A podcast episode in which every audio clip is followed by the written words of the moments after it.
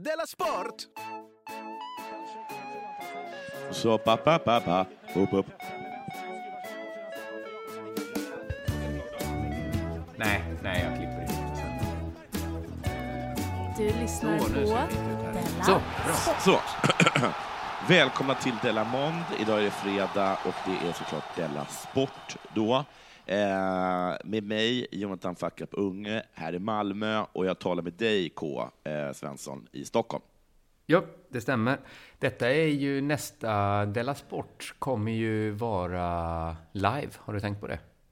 Nästa gång man hör Della Sport så är det första eller andra akten av eh, Della Grand. Just det, det bör vara andra akten. Eftersom, äh, det spelar ingen roll. Men vi skulle, Nej, egentligen spelar det ingen roll, men det kan bli andra. Ja, Ja. Det har vi inte bestämt. Nej, inte Men bestämt. det, det slog mig nu att det är så himla snart. Ja, det är typ om några dagar bara. Inte det? Jag fattar inte när man ska så... Nu vet vi inte om det blir ett fullsatt Draken. Vi hoppas ju det. Ja. Och att Simon tvingas köpa en båt som han kommer att ha. Han lovar så Eh. mycket. Han, har, han lovar ju bort en, en iPhone till sitt barn och en båt till sig själv. Ja. Men har han köpt iPhonen till sitt barn? Nej, han lyckas ju ta sig ur det, vilket jag, inte, jag mitt liv inte kan förstå. För jag tycker det är ett sånt himla härligt som, vad heter hörn att måla in sig i. Att man, man blir liksom en viss sorts pappa hur han än gör. Ja, men jag förstår Han inte. blir liksom den rik, han, vad heter han i Ebba och Didrik som bara har allting. Han blir dens pappa, Mårtens pappa. Eller så blir han ju typ Åsa Linderborgs pappa. Eller Ja. liksom någon som man absolut inte kan lita på. Ja, då blir han ju Åsa Linderborgs pappa. Som godis till middag. Undrar, Pappan, undrar om, om Simons son kommer skriva en lika kärleksfull pappaskildring som, som, Åsa, som Åsa ändå gjorde. Ja, precis. Men den hade väl ändå visst bett. Eller det var inte bara ett hyllningsporträtt av sin pappa. Nej, det var det självklart inte. Han, han kanske kommer skriva om hur kul han var och att det liksom var berg och dalbana hela tiden. Men man kunde ju absolut inte lita på att man fick en iPhone sen. Nej, precis. Det blir lite sådär, vad heter hon, Kristina, Kristina Lugn? Vet du det? Aha. Men det har, Ja. Jag har dragit den hundra gånger, men när henne, när henne, de bor utanför, på, jag tror att det är på sommaren, utanför Visby, och sen så går de jättelångt hela vägen in till Visby, för de ska gå på bio. Och, så, Ja. och så går de fram till bion, och då vänder pappan om, och så säger han till eh, sin dotter, idag ska jag lära dig vad besvikelse är. och sen så går de hela vägen tillbaka. Att det är kanske lite mer sådana historier. Ja, just det. Ja. Så, Ja. så ganska, det. ganska härligt, men också fruktansvärt ohärligt. Ja, men det är ju väldigt eh, skönt det här att Simon har äldst barn. Att han blir ju som, eh, det blir liksom pappornas motsvarighet till äldsta syskonet. Ja, att han går ju för, för, längst fram och liksom eh, visar vägen. Och så Precis. behöver man inte göra precis samma misstag, behöver man inte göra om då. Så man kommer lite efteråt. Men han blir också lite så här person som åker ut och står, står i aulan inför klasser och säger åt folk att inte börja med, med hårs. Till liksom, där de absolut flesta inte hade en tanke på Nej, att börja nej, med hårs. Precis. Eh, men De La Grande i alla fall, det finns fortfarande biljetter kvar som jag förstått det. Ja, köp! För det blir, vi, ni måste fylla ni, Vi kan inte tvinga någon att fylla den hos oss. Nej, alltså det är ju väldigt... Det, ju, alltså, det får Det- ju aldrig bli det normala att man fyller draken. Men det hade ju varit roligt att göra igen. såklart. Ja, men jag tänkte också, jag kan, vi kan inte tvinga folk. Vi, vi, man får Vi ju- kan inte tvinga folk att komma, nej. Nej, vi får säga att det Vi vore jättekul inte- om ni kom. Det är bättre på, Ja. med positiv än negativism. Det kommer ju bli skoj. Jag funderar, jag, jag tycker också vi är så, det är så sjukt. Det är en väldigt stor scen och man tänker, vi har ju inte börjat, man börjar ju ändå förbereda det som ett vanligt program. Alltså att Ja. det är jag tror det är ganska unikt att man gör så. Gör en jättestor scen och så börjar man liksom dagen innan, dagarna innan. Men jag- så jag har börjat lite bara för jag fick sån eh, prestationsångest kring det här. Så jag tror jag kommer framföra sex ursäkter under kvällen. Oj. Det kan jag locka med. Oj, det kanske oj. är lockande. Ja, det låter Jag kommer jätteintressant. be om ursäkt sex gånger. Och så får, vi se vad, vad, som händer. Eh, med det sagt, har det hänt någonting sen sist? Eh, jo, eh, min dotter, eh, hon lärde sig att, att hon lärde aldrig, vi lärde henne aldrig simma riktigt. Vi satte henne i simskola, men det, det fick aldrig någon effekt. Eh, och sen var det, sa vi åt varandra att vi skulle lära henne, så gjorde väl det, men så plötsligt så lärde hon sig själv. Oj, för ja. att det var exakt min historia, mm. fram tills det sista plötsligt lärde hon sig själv. Ja. Mm. okay. jag, blev, jag blev tagen ur simskola av ja. Och, och, och sen av dina... Eh, gud, vad är släkten, vad släkten Svensson, att ni tar ur barnen i olika ja, institutioner och så grejer. Jag var jättenära att ta min, min dotter ur en antibiotikakur. Ja, det var mig. Så jag blev så arg. Okej. och då blir inte ens jag arg längre. Nej. Men, jag tror, är vi kanske bara, man, det är lätt att blanda ihop eh, väldigt principfasta, så lojala människor med bara rena quitters. För min mamma hävdade ju bestämt att min simskollärare, då som jag hade i första klass, ja. alltså när jag var kanske fem, sex, sju år, att hon var fascist. Och att det var därför jag inte kunde gå. Så det låter ju som en stark princip ligger i botten.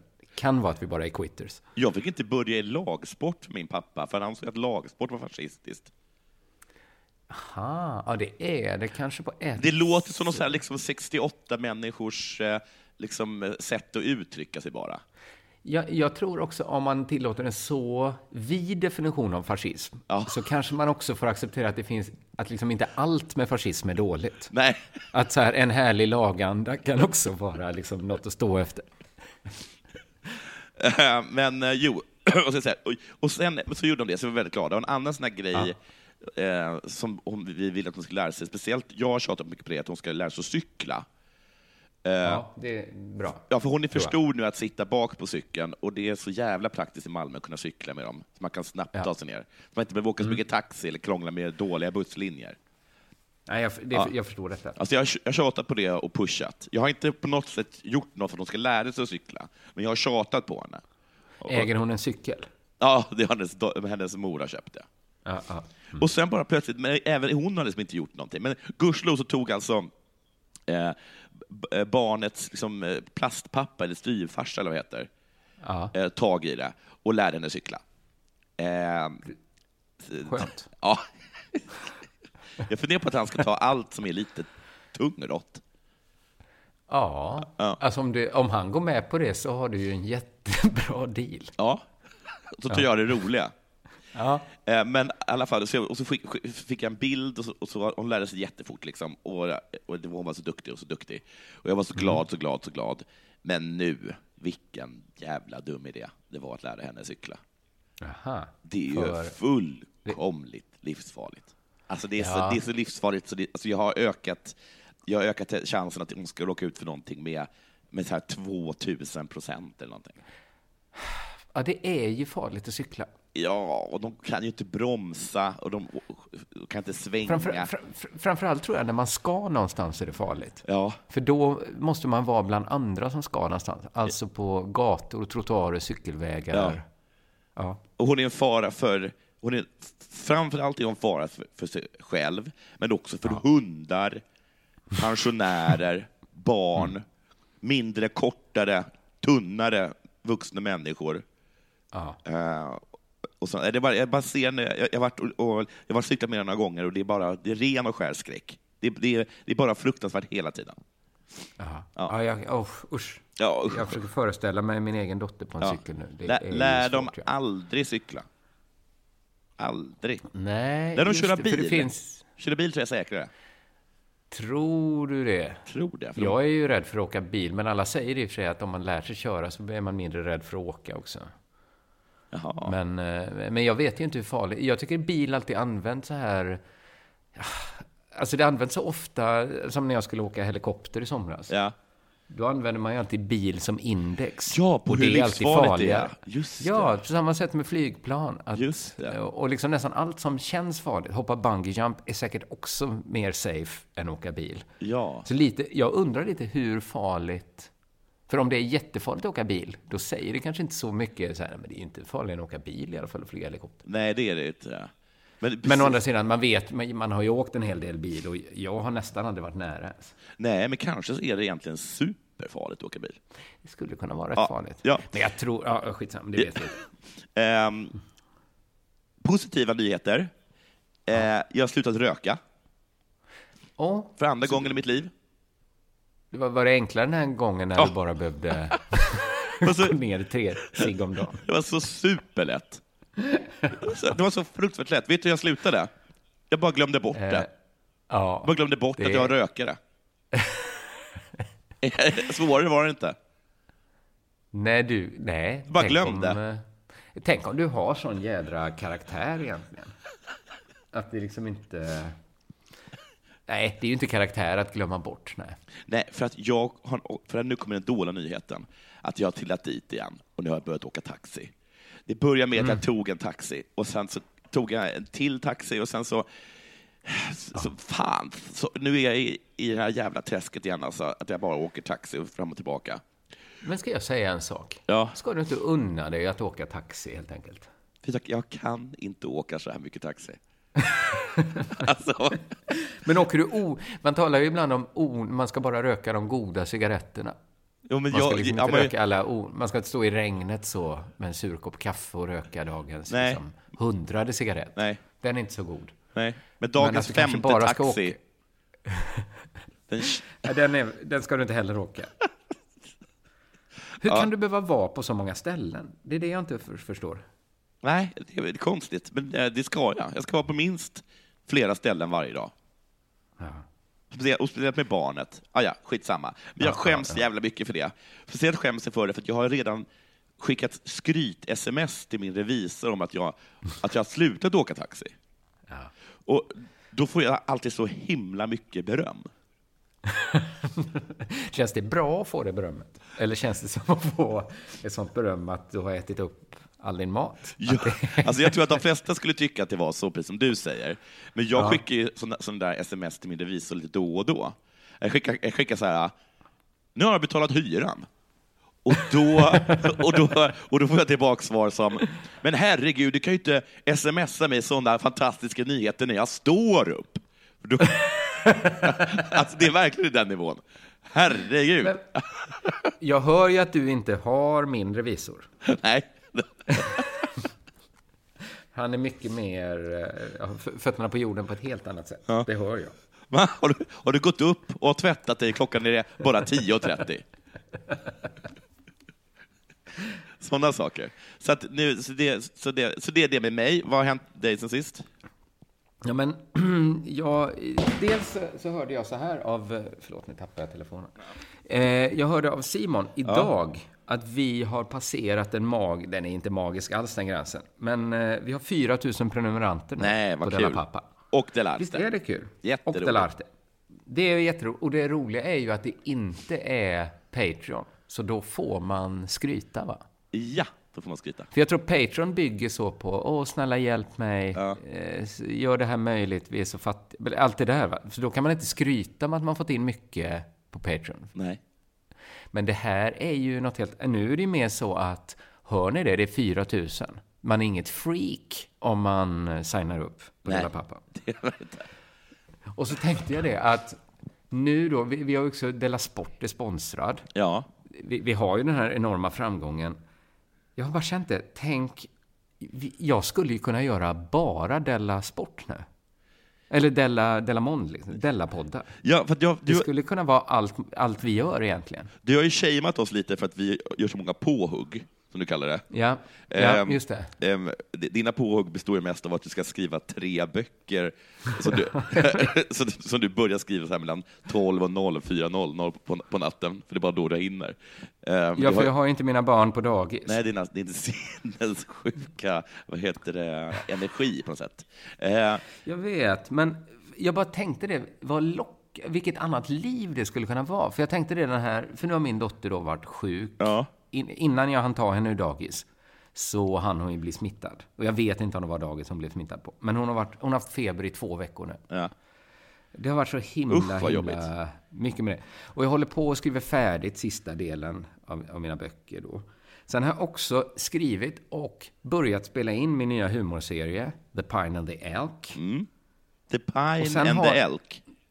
Ja, Oj, den ska heta så. Ja, bra ja, ganska titel. snyggt, va? Ja. Ja, tack. Ja. Och sen har då min fru börjat ha sin podd på, alltså Della Q. Ja, Den ligger liksom på Perfect Day Media nu. ja. Så då ingår det, jag har inte sett några så här spons, inga checkar har kommit ännu. Nej. Men däremot får de liksom gå på salong hur mycket de vill. Ja, just det. Det här... Så att min fru har ju blivit väldigt från... Igår var det naglarna. Idag, idag var det ögonfransarna som skulle in och böjas. Jag är liksom någon sorts nagelänkling här hemma med två sjuka barn. Så då har ändå tankarna kommit till mig så här att tänk om man bara skulle göra Della. Vilken, vilken grej det hade varit. Ja, för det kanske också gör det. För jag tycker också att jag gör så himla mycket små, små grejer hela tiden och så blir det liksom ja. ingenting bra. Nej, jag så det är konstigt om jag har ett heltidsjobb, ska jag inte bara ägna mig åt mitt heltidsjobb då? Ja, precis. Som, som dessutom inte kräver något, några så här extra knäck igen. För jag kände det när jag satt och försökte få kontakt med Bonden Bar, mm. som har så... De är inte lätta att få kontakt. Det är inte lätt att planera upp. Då skulle jag planera upp tre veckor våren 2019. Mm. Det är svårt att göra med dem när de, de knappt svarar på mejl. Yeah. Då kände jag så här, tänk jag skulle också bara kunna sitta hemma och spela in poddar och ha det nästan lika bra. Ja inte behöva ringa bonden bar. Men det kanske, tänk om det skulle vara liksom det sämsta som skulle hända oss, att vi blev självförsörjande, eller vi är ju självförsörjande på Della nu. Ja. Tänk att då blir det ju inget The Pine and the Elk. Då blir det inget du åker till Uppsala och giggar för studenter. Nej, vi sitter bara och, eh. jobbar i, i redaktionellt. Det kanske inte alls hade passat. Ja, jag vet inte. Ska vi inte eh, prova? Igen... Ska vi inte ta en, eh, ska vi inte ta en, en Delamonde-månad? Och sen får vi, När vi bara gör det? Bara gör det, så ser vi hur, ja. hur, hur det påverkar kvaliteten på Delamonde ja. och vår livskvalitet. Kan vi vänta tills min boktrilogi, min tv-serie och min föreställning är klar? Ja, kan, vi, kan vi göra detta i april 2019? Okay. Så har vi den stora Della-månaden. Ja. Gud vad jag, vad jag längtar efter den stora Della. Ja. Jag, jag, ska aldrig mer eh, reta er för att ni tar påhugg. Nej, bra. Men Då ska också mina barn vara friska ja. under Della-månaden. Oj, vilken bra månad det kommer bli. Det kommer de vara. Det är ingen, ja. ingen sjuk i april. Jo, eller nej. Jag kommer inte liksom dra hem så mycket smittor och sånt om jag bara ska sitta hemma och göra Della. Eh, nej, alltså det är väl så man överlevde pesten att sitta hemma. Att man var hemma, ja. ja. De, de, de som jobbade redaktionellt under medeltiden, de, eh, de klarade sig liksom. Ja, ja, om de aldrig hade besök heller då, men Nej. det hade man kanske inte på pestens tid så mycket. Ja, men det är väl det som hänt då, stora framgångar som fött eh, en liten oro också. Tänk om det bara blir Della i framtiden. Ja. Ehm, eh, eller så är det det bästa. Vi får se under Della-månaden. Nu är det väl dags för det här se. Sport. Jo, eh, vi ska tala om Stoke-anfallaren eh, Saido Berahino. Aha. Heter han. Han har haft ett jävla år, faktiskt. Ett jävla dåligt år? Eller? Det beror på lite hur man jävla... ser det. I september ja. så gjorde han debut som landslagsspelare för Burundi. Eh, okay. ja. Uh eh, -huh. Och han är 25 år då, och han fick en jävla kanon debut. Han, uh han gjorde mål eh, eh, i matchen mot Gabon, som då slutade 1-1. Ja, det, var en obeskriv, ja, det var en obeskrivlig känsla för att göra mål för mitt land, säger Berahino efter matchen, då, enligt BBC. Sen, mm. förstår du, den 30 maj, då blir han pappa för första gången. Med, mm. med sin fästmö eh, Stefania Cristoforo som jag faktiskt googlade. Ja, jag go nu vet jag vilken nyhet det ja. här är. Det här är mycket intressant. Det här är mycket intressant. Jag, jag googlade faktiskt henne. Mm var hon känd? Nej, det är framförallt var hon väldigt, väldigt vacker. Ja. ja. Eh, Min, eh, i, I Della Q hörde jag, där pratade de om så här fotbollsfruar. De hade hört så här inside-rykte om att alla fotbollsfruar har, alla idrottsfruar har liksom lagt många, många år på att komma dit de kommit. Jaha, man går liksom det, det, är alltid strategi, liksom, att, hur man hittar en idrottskille. Jaha, det finns För sen är livet liksom klart på något sätt. Det är som att, kanske istället för att utbilda sig till läkare. Ja, ja. Man kan lägga fem år på att försöka hitta en fotbollskille. Ja, precis. Att det, är, det är tuffa fem år, men sen är, är ja, men det sen klart. har man sitt på det torra. Ja, men vad härligt. Eh, då ska jag tillägga att det är hans tidigare fästmö. För mindre än två månader senare så blir han pappa för andra gången tillsammans med den amerikanska modellen Chelsea Lovelace, som jag tror är taget namn, som födde, och, så, så då, och en, liten, en liten dotter föds. Jag googlade henne också. Hon är, hon är, hon är sån där, men hon är utvikningsbrud, ser ut som. Ja, okej. Ja, det ska- Och det är hans nuvarande flickvän, Det, fästmö? det är det. Det är det. Eh, nu så kommer då, eh, eh, precis mitt emellan de här födelserna då, så har en tredje kvinna, nej, då, ha, fött ett barn då, som hon hävdar är, är, är hans. Och han nekar ju bestämt eh, att det skulle vara Ja. det. Jag gissar att han säger att rent statistiskt sett kan det inte vara möjligt att jag är, pappa för, för tredje gången på ett år. Vad då, vad då liksom de anklagade påstod att eftersom du strösslar ungar ur Ja. dig så finns det statistiskt möjligt att du absolut skulle ha gjort det. Och Han men, verkar ju fertil. han, han måste ju vara så fruktansvärt fertil, Ja. den, här, den här mannen. Men, Alternativt göra många försök. ja, precis. Men, äh, men gud, alltså, nu, har, nu har han verkligen... Han, han kan ju inte så här våga svara i telefonen längre. Nej. För att för i rädsla av att det ska, att det ska liksom va- vara någon ny unge på gång. För nu kan det ju komma ett sånt rykte att man kan alltid ringa. man kan chansa. Ja. Att han till slut hamnar i ett läge där han, ja, ja, ja, jag skickar papperna då. Jag, jag, kommer till, jag, skick- jag skickar något till jul. precis att domstolen här, bestämmer att han är juridisk far bara för att det rent troligtvis är så. Han är far tills motsatsen är bevisad. Ja, precis. Eh, Men alltså, nu har han ställt till det. Hur ska han fixa det här? Ja, precis. Är detta också... Jag funderar på vilken liksom typ av problem det här är. det ändå så att han kan få liksom gliringar när han kommer tillbaks till Stoke? Stroke nu? Stoke? Eh, ja. Heter de Stroke? Nej, de heter Stoke, heter de. Stoke heter de. Jag tror inte riktigt att han... Att han, att han det, det var väl precis då för att det är under ett år. Jag har en känsla av att det är många där som, som eh, skulle kasta sten i glashus. Jo, ja, fast han har ju ändå det största Ja, glashuset väl? Ja. Men jag menar så här, för det har ju ändå, det är ju ändå något lite komiskt med det. ja. Men samtidigt är det ju också tre familjetragedier. Det kan ju, man vet inte, är det känsligt eller är det lite busigt? Ja, det, det, just det, det, det skulle absolut kunna vara en, eh, en sitcom. Ja, Alltså, det här är liksom, ja. Det här är liksom, det här är liksom, här, om man skulle kunna sjunga den här artikeln så är det inledningen på en bra sitcom. Liksom. ja precis.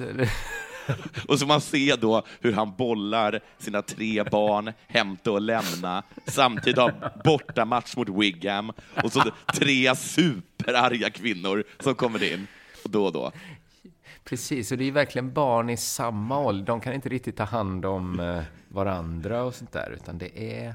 Det är också en bor i USA, men då får vi flytta in allihop till en här kollektivt boende eller, eller någonting. Man skulle också kunna tänka sig att, äh, att, att det är typ en, grann, en grannkvinna som hela tiden kommer och raggar på honom, så man gör allt då för att inte trilla dit igen. Och så är det pre- precis när de ska hångla så kommer ett av barnen ”Pappa, sluta!” och så bara, något sånt. Ja, man ser det framför sig. Ja, men det är verkligen, det är verkligen tragiskt och samtidigt superbusigt. Ja, Alltså det, det, eh, det ska bli kul. Fan vad roligt när han berättar det här för sina lagkompisar. ja, eller han vet ju nu, eftersom vi vet det, Ja. så vet ju de. Ja, Vi vet att de vet, och han vet att de vet. han sitter och Och är de vet ledsen. att han vet att de vet. Ja, Men vad säger man första träningen? Ja. Grattis! Till...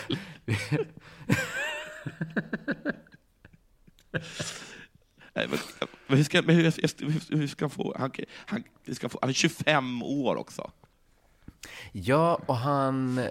Alltså, inget av det du berättat har ju skrikit att han är familjeman riktigt. Nej, det kan jag inte Det är påstå. parodiskt att just han har så mycket, så många familjer nu. Jag hörde, eh, jag, eh, jag har berättat den här, men jag känner en person som, har, som på något sätt har ingångar till Skäggmannalaget. Känner du till dem? Mm. Mm. De var så stora på 70-talet, eh, svensk. Just det. Jag har säkert dragit det här hundra gånger. Men, Lite så här kanske folkmusik. Ja, precis. Och mm. där, eh, då var det en kvinna som beslöt sig att hon skulle ha barn med alla sju personer i, i Skäggmannalaget. Och det, och det fixade hon. Och, det, så, och så fanns det någon som, jag har glömt bort vad han heter, men det var den, den, liksom den mest legendariska liksom, horbocken i, i hela liksom, folkmusik-Sverige. Eh, mm. En, en, kvinna blev ihop med honom och så sa hon så här, jag vet att du inte kan hålla kuken i styr. Jag gör mig bara en tjänst, ligg inte med min syster. Varpå han självklart då låg med hennes eh, syster. Och så då skaffade, han, skaffade han barn med båda de två systrarna. Oj. Ja. Så att, Oj. Där hade, där hade eh, Saido eh, passat in. Där hade, där hade, där hade ingen skrattat. Om man kunde spela dragspel såklart. ja, men, men det kan han säkert. Men oj, men lyckades hon med alla sju? Ja. Oj, tänk, tänk om hon hade snubblat på mållinjen där. Ja, att ha pinsamt det var sex barn med sex olika. Och så är liksom han som spelar näverlur. Ja. Lyckas hon inte. Nej. Snärja. Ja, det var det. Ja, ja, ja, ja, intressant. Du, Stefan Holm och Patrik Sjöberg. Mm. Där har du ju en riktig långkörare. Inte i höjdhopp, för de har nästan aldrig tävlat mot varandra. Nej. Men kanske, men som medialt gnabbande är det ju en långkörare. Mm. Det handlar ju då alltså om Sveriges två största höjdhoppare och vem som egentligen är bäst. Och två olika personligheter på något sätt. Eller? Väldigt olika personligheter har man, känns det ju som i alla fall. Ja. Den ena hoppar eh, här... över lego, den, ja, den, andra den andra skriver debattartiklar. Och Precis, och festar. tycker inte det gör så mycket att han har inte hoppat det är väldigt, väldigt länge sedan Patrik Sjöberg hoppade högt. Ja. Eller över, över lego har han inte ens försökt hoppa. Men eftersom det då är en sport, höjdhopp, som handlar om att hoppa högst så anser de flesta, och kanske allra mest Patrik Sjöberg, att det är Patrik Sjöberg som är den största höjdhopparen. Just det. Eftersom han har då hoppat allra, allra högst, även om det är en gång. Alltså, vet, eh, vet du vad? Att det, det är så irriterande för att eh, det där, jag, kan, jag kan inte låta bli att tycka att det på något sätt är... Alltså han, han har ju rätt i det, men jag kan inte låta bli att ja. tycka att, att det är egentligen han som är liksom Stefan Holm-konstig. Alltså, ja, för det, det, det, det är Stefan Holm som har vunnit allt väl? Ja, Men jag hoppar precis. högre. Jo, jag vet. Det är ju lika mycket Patrik Sjöberg som kommer dragandes med sitt eh, hopp från 1987 som eh, de har ju bara olika stilar. Att han har liksom... Det är som att han har bara turkronan. Ja, men det, och man, eh, ja. Eh, Stefan Holm har hela pengabingen. Ja, men liksom han borde ju, vet det, istället då för att försöka kontra med att han har hoppat flest gånger, mm. som så, så skulle, skulle han väl bara dingla den där OS-guldmedaljen framför? Ja, precis. Men på något sätt så har de det har blivit så att det har blivit vem som hoppar... Eller det är väl att Patrik Sjöberg alltid gör det till en tävling om vem som hoppat högst. Ja. Och då spelar det ingen roll att Stefan Holm har hoppat högt många, många Nej, gånger. det är ju jätte... Det, och det förstår jag. Det håller jag med om. Att, att han hoppat högre i förhållande till sin längd Nej. har ju bara Patrik Sjöberg gjort sig rolig. Det är bara att han har berättat att han är kort. och att han hoppat högre i olika åldrar, det verkar inte Sjöberg bry sig om. Nej, på flest kontinenter över då olika sorters ribbor, mm. exempelvis lego. Ja. Det är inget som biter riktigt på att Sjöberg faktiskt gjort det högsta hoppet. Nej. Men känslan har ju också varit länge att eh, Sjöberg inte bara vunnit själva tävlingen i höjdhopp, utan att han också vunnit själva munhuggningen. Ja. Alltså varje gång det blivit ordkrig har Sjöberg framstått som cool mm. och dräpande i repliken mm. och Holm har framstått som en tönt och kalenderbitare som försöker liksom räkna ut och argumentera istället för att bara visa ja. och hoppa högst. Eh, det här är då historien och nu är det bråk mellan dem igen. Bokbråket har det kallats i media. Jaha, alltså, de har gett ut eh, varsin bok eller? De har gett ut varsin bok. Och jag tar upp det här inte för att det är intressant just deras bråk, utan för att jag kände att nu kom det till en vändpunkt. Ja, Det var lite som att se Zlatan göra en sån här riktig osoft... Eh, här, Reklamfilm? eh, Ja, eller karatespark i Ja. ansiktet på någon, någon yngre lagkompis. Eller sådär. Ja. Man såg så här, just det, du är ju en röv. Ja, det är det som är grejen. För tidigare, jag får säga att jag har skrattat gott och kanske till och med citerat Sjöbergs nedlåtande kommentarer. ja. När han sa att eh, Stefan Holm skulle börja jobba på cirkus för han kunde hoppa så högt i förhållande till sin längd och sådär. Men han, eh, han, är, han är bra på det. Han gjorde det mot Sven Nylander också, när man åkte dit för koks. Och Sven Nylander gick ut och sa att det var första gången han hade tagit koks. Och Sjöberg sa att i Just så fall har varit med de tio senaste gångerna. Tio första gångerna. Sven Nylander, Ja. inte Simons chef? Eller?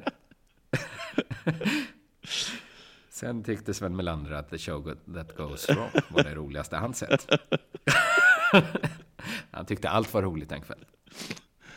Nej, eh, jag skojar. Eh, det jag skulle säga var så här att eh, det här bokbråket, det jag upplever med det är att det tvingar båda höjd, eller före detta höjdhopparna ut sina mest extrema situationer. Positioner. Och då vinner plötsligt Holm, känner jag. Eller han kanske inte vinner, men jag tycker inte Sjöberg kommer åt honom. För det är då, dels är det då en bok som Stefan Holm har skrivit. Ja. Jag ska säga att den är 100% Stefan Holm.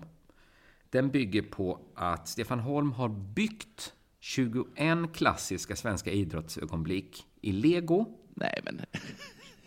som sen då fotats av och sen har han skrivit om de här ögonblicken. Jaha. Det är 100% Stefan Holm att göra så här. Att det är liksom helt självklart att Stefan Holm i vuxen ålder bygger med lego. Så jag förstår att det har han också ett legorum. Tänk att ha, Eh. tänk att ha, tänk att vara liksom, ha ett sånt barnsinne, men samtidigt inte vara så kul. Eller, det, det, Men jag såg det här legorummet, det var inte så... Alltså det var väldigt kliniskt. Det var stora, stora backar med färgsorterat lego. Så att det... Han, han är ju sponsrad av Lego på något sätt.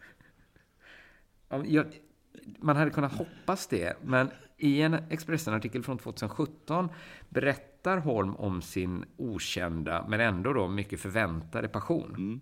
Det stod så här. Sin första legosats fick han när han var i tvåårsåldern. Det är ju inget konstigt det här. Och när han blev fyra fem år gammal tog hans passion fart på allvar. Där kan ju jag känna igen. Jag kallade det inte passion. Jag tyckte bara det var kul när jag var men när höjdhoppskarriären började ta fart i tonåren så glömde han bort sin tidigare passion. Ja. Alltså, Det är inte säkert att det bara, att hade han inte hittat höjdhoppningen, att han då skulle ha fortsatt bygga med lego. Om- För det är ändå länge att hålla på upp i tonåren. vad, vad många är som jag när det kommer till att sluta röka. De bara, de bara glömmer det. Vänta nu, brukar inte jag... Det var först vid OS 2004 som han återigen tog upp klossarna, skriver Expressen. Han kom nu på idén att bygga OS-loggan i lego. Ett bygge som han numera har på väggen. Vänta, nej, vänta, eh, förlåt. När, när, när, kom- när kom han på det igen? 2004 kom han på att, vänta lite, Jag, jag, jag har ju allt det här färgsorterade legot, så jag kan ju bygga OS-loggan i lego. Det är ju fan OS i år. För, Men också ja, att han blev så nöjd så han satte upp den på väggen. Ja. Tillsammans med sonen Melvin har han byggt en hel stad. Jaha. Han berättar också att Melvin, som då kommit upp i tidiga tonåren, börjar tröttna lite Mm. Men i staden finns bland annat en fungerande järnväg, en raketavfyrningsbas och bilar. Mm. Jag kan inte sjunga, spela instrument eller rita, men lego kan även jag skapa något, säger Stefan Holm. Fast det är inget, det är, man blir inte, det är, det är inget bra liksom, man blir, man blir inte gitarrkille på det liksom. Alltså, Jag tycker också han, han skojar om att han är lite fyrkantig som legobitarna, men det är också lite fyrkantigt att bygga OS-loggan och en stad. men eh, också att det var så här, folk irriterar sig på, på Holm för att han runt lägerelden utan att någon har bett honom tar upp sina färgsorterade legobitar och, och, och, och bygger en brasa av det. Ja, nu har han i alla fall byggt 21 stycken klassiska svenska idrottsögonblick i lego och släppt boken Svenska sportbitar. Samtidigt som Patrik Sjöberg är aktuell med en ny bok som är kanske 100% Patrik Sjöberg. Mm. Den heter Hur svaghet kan bli styrka. Mm. I den tar Sjöberg upp sina funderingar kring olika händelser i sitt liv. Och sen får psykologen Rebecca Malm analysera hans tankar utifrån ett psykologperspektiv. Jaha. I boken berättar han hur övergreppen från tränaren Viljo Nusainen, Ja. Nusainen, ja Viljo brukar man väl bara säga, påverkat hans personlighet på flera sätt. Flera gånger återkommer han till svårigheten att hantera kärleksrelationer. Jag tycker det låter som en helt annan sorts bok än Stefan Holms legobok. Jag tror inte att de står bre- bredvid varandra ens. Jag, jag, jag tror aldrig man står i valet och kvalet vilken man ska ta. Jag, jag tror att du redan Nej, när du går in i affären har bestämt dig för om det blir lego eller våldtäktsminnen. Jag tycker det skulle vara, ibland klagar man ju, serietecknare så här kan ju klaga ibland på att det blir sådana samrecensioner. Ja. Att de tycker att vi är faktiskt, att man vill inte se en samrecension här. Men, Det vill inte jag heller. Och jag, om det blir en samrecension så hoppas jag att recensenten först recenserar Stefan Holms bok. Precis. Eh, och i Stefan Holms bok så finns då Patrik Sjöberg med, Ja, avbildad i lego, Ja. när han slår världsrekordet på Stockholms stadion. det var väl eh, en fin gest. Ja, Stefan Holm säger, för mig var det givet att ta med den händelsen. Mm. Det, fick, eh, det var det som fick mig att börja hoppa höjd. Mm. Och han skickade ett exemplar till eh, Sjöberg Mm. som meddelar att han inte kommer läsa boken. Men skulle jag kunna tänka sig att bläddra lite i den? Nej, han kommer inte öppna den. Istället, han, är, han blir förvånad när han hör att han figurerar i boken. Jaha. Och säger, va? Det visste jag inte. Det har jag inte gett något medgivande om att jag ska vara. Då känner jag det här, 100% Patrik Sjöberg är inte så smickrande som 100% Stefan Holm. Nej, verkligen inte. Det är 100% Stefan Holm att bygga Patrik Sjöberg i lego. Ja. Och det är 100% Sjöberg att kräva att Stefan Holm ansöker om hans medgivande. Och då tycker jag ändå att det svänger lite åt Holms håll. Det kan jag verkligen, eh, om man, om man, inte, här, man inte ens kan bjuda på att man har varit den största inspirationen för någon. Nej. Patrik Sjöberg är också övertygad om vilken bok som är bäst av de båda. Och där tycker jag han verkligen pushade. För han vet att det här inte alls är samma sorts bok. Han säger, jag tror allmänintresset är lite, lite högre för min bok. Jag vet inte fan hur många i vuxen ålder som håller på med lego och varför man gör det. Det är kanske det boken ska handla om. Varför bygger du med lego, Stefan? och det här tycker jag inte är till Sjöbergs fördel. Att det är intressant att när de går mot sina extremer, blir 100% Sjöberg, 100% Holm, så är det inte lika uppenbart att det är Sjöberg som vinner. Så då tänkte jag att kanske är den här legoboken Holms smartaste drag. För att han liksom tvingar Sjöberg att bli 100% Sjöberg. Ja. Och att han vet att det är inte till Sjöbergs fördel. För att han är inte jättecharmig när han inte kan liksom... Han sa också, de frågade, kommer du skicka din bok till Stefan Holm nu? Ja. Verkligen inte. Skulle aldrig slösa ett exemplar på honom. Det är liksom bara så här, men har han gjort dig något, Patrik? Får liksom ingen svensk hoppa höjd efter Patrik Sjöberg utan att liksom bli Patrik Sjöbergs fiende? Han borde, de, de, de, jag tycker det var intressant om han i den här boken tog upp sitt bråk med, med Stefan Holm och, och låt den där psykologen få analysera Ja, det. Det hade, jag också, det skulle vara intressant. ja, det hade varit behjälpligt också för... Men det kanske är en bok som inte Patrik Sjöberg ska skriva, utan att en psykolog... För nu fin, all data finns väl redan ute eftersom bråket har hållit på sen Ja. alltid. Att en psykolog borde verkligen analysera varför tycker Patrik Sjöberg så himla illa om Stefan Holm. Kan vi inte googla ihop lite artiklar och skicka det till en psykolog? Den får tusen spänn, får vi se vad den säger. För jag, jag fattar liksom att Patrik Sjöberg tycker Stefan Holm är en tönt. Ja. Men Men en han måste väl ändå... Ja. Men ja, han måste väl ändå kunna erkänna att det finns töntar.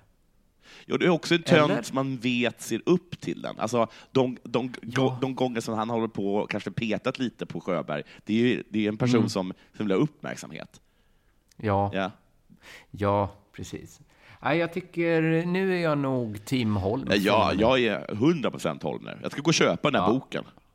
Jag ska stå, jag ska, ska jag ska stå högt Det kanske blir en recension i Delarte. Ja, jag ska stå högt i, och, och, alltså, talandes högt ska jag stå i bokhandeln, eh, velandes mellan dessa två eh, böcker och sen till slut komma fram att det är så mycket roligare med lego än gamla våldtäktsminnen.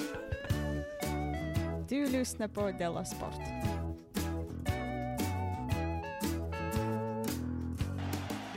Det här är väldigt kort. Eh, Malmöprofilens tuffa val.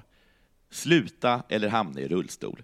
Som 21-åring fick Viktor Stråle ett tufft besked av läkaren. Sluta spela hockey eller hamna i rullstol. Som 28-åring... Det är tufft, ja. Ja, den är Förlåt. tuff. Det, ja, men det är tufft, det är tufft, vad ska man säga, eh, det är hårt att höra, men det är väl inte ett svårt val? Nej, det är tufft att höra, men det är ett jättelätt, jätteenkelt val. Men jag tänkte på, var det inte du som snackade om han som, som hade, var det Zetterberg? Som, som klarade av liksom ja, ja, ett normalt liv, eh, hur tungt och slitsamt det än, men står bara inte ut med att bli liksom söndertacklad hela, hela tiden. Nej, precis. I medelåldern. Ja, nej, precis. Nej, nej, precis. Det, så är det. Men det, här, det lät ju fruktansvärt jobbigt också att vara så... Så unga. På, så unga och få höra det här. Ja, jag undrar om han ändå hade, här, att han ändå hade lite lite svårt. Att liksom att de, de att, precis som människor som du sitter och röker, när de till och med har så här, tagit bort struphuvudet, som sitter och röker ur ja. det lilla hålet i, i, i, liksom, i, i halsen. Just att det, jag, jag förstår vad du menar. Men man får, om, man tänker, om någon hade sagt så här, eh, någon läkare, du, du måste sluta göra podd, annars du kommer tappa rösten. Mm. Du kommer inte ha någon, du kommer inte kunna prata resten av ditt liv det hade ju ändå... Lite podd jag hade jag...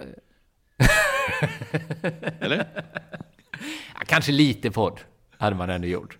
Men man hade kanske inte åkt in till AMK morgon kanske och pratat, snackat bort två timmar. Nej, det hade utan man verkligen valt sina poddar. Undrar... Inget fel på AMK morgon, men, men man hade fått välja väldigt noggrant. Jag tror när Viktor Stråle fick det här beskedet av läkarna, sa sluta spela hockey eller hamna i rullstol, så tror jag han sa så här, sluta spela hockey, då hamnar jag hellre i rullstol. ja, på läkaren sa men just det, exakt det jag sa. Sen sa han också så här, ja. som, eh, men jag bara undrar om de folk var tvungna att, att få någon att sluta. Alltså säga typ att de släpper inte in någon på isen helt enkelt. Du hamnar ju i rullstol.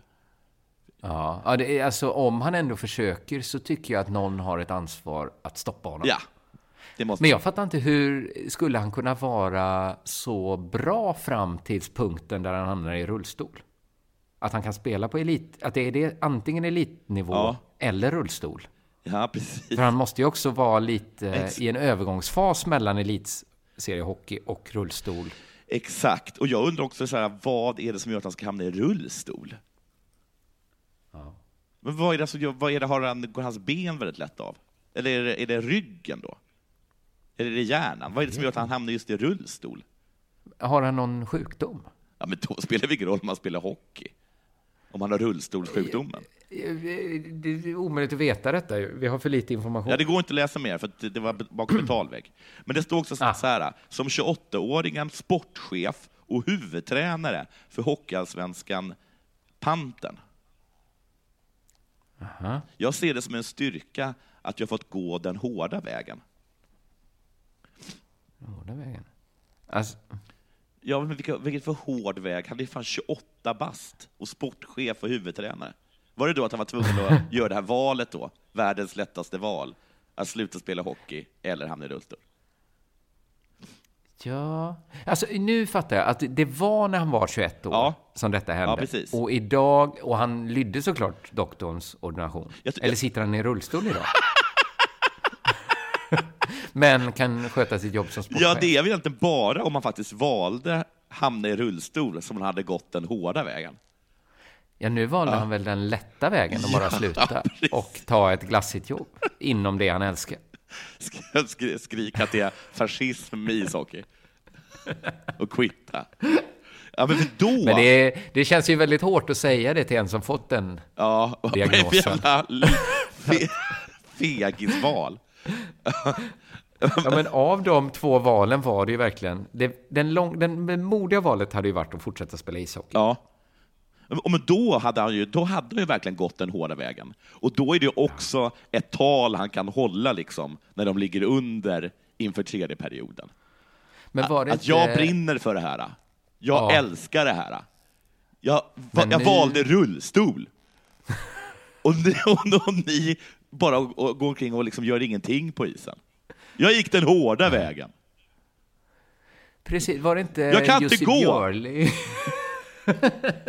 ni vet att ni är tvungna att bära mig upp för trapporna. Det är för att jag gjorde det valet. Nu ja. tycker väl folk att han in... Nej, precis. Men för, för Jussi Björlings pappa tror jag tvingade Jussi Björling och hans syskon att så här, läkaren sa att pojken måste ligga i gipsvagga. Mm. Annars kommer han liksom ha en sned rygg, ja. han kommer ha ont hela sitt liv, ja. han kommer kanske inte kunna stå upp. Nej. Och pappan sa att eh, synd, för vi ska ut på turné ja, nu han och sjunga allihop. Världens, världens, världens lättaste val. Jussi Björling fick ju gå då den långa vägen.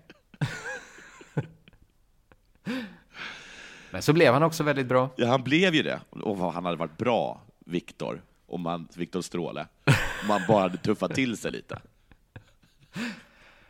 Ja, men därmed inte sagt att det inte var ett fruktansvärt val han ställdes jo, inför. Jo, jättehemskt val självklart. Det är ju det som gör det förståeligt att han verkligen valde the easy way out. Ja, för, för mig så hade det varit mycket lättare val. Ja. För att jag, hade, jag bryr mig inte så mycket om hockey. Men det är ju, så kan man ju alltid, om någon säger så här, eh, du får välja vilket av dina barn jag ska spara, eller så tar jag båda. Ja. Ja, precis. Det, det, lätta valet är ju ändå att välja ett av barnen, ja. även om det är väldigt svårt. Ja, precis. Så... ja, man, man, har gett... Men man kan ju inte säga efteråt att jag är glad att jag tog, Nej. gjorde det svåra valet. Nej, Då... ja, jag, jag, tog, jag lät dem båda dö. Det var, jag är lite tuff på det sättet.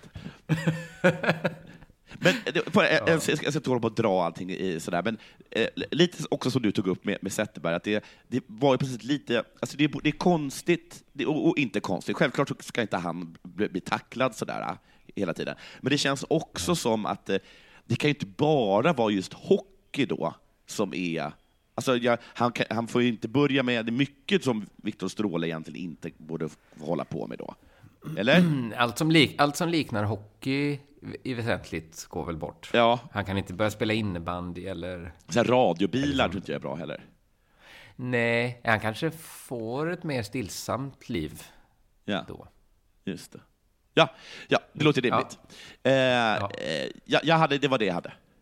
Ja, det var det vi hade i dagens, eller veckans Della Sport. Vi påminner väl om Della Grande då, ja. som är nu på tisdag, mm. den 2 oktober. Biljetter hittar man på underproduktion.se. Så fyller vi draken nu och ses i Göteborg. Ja, ha det bra.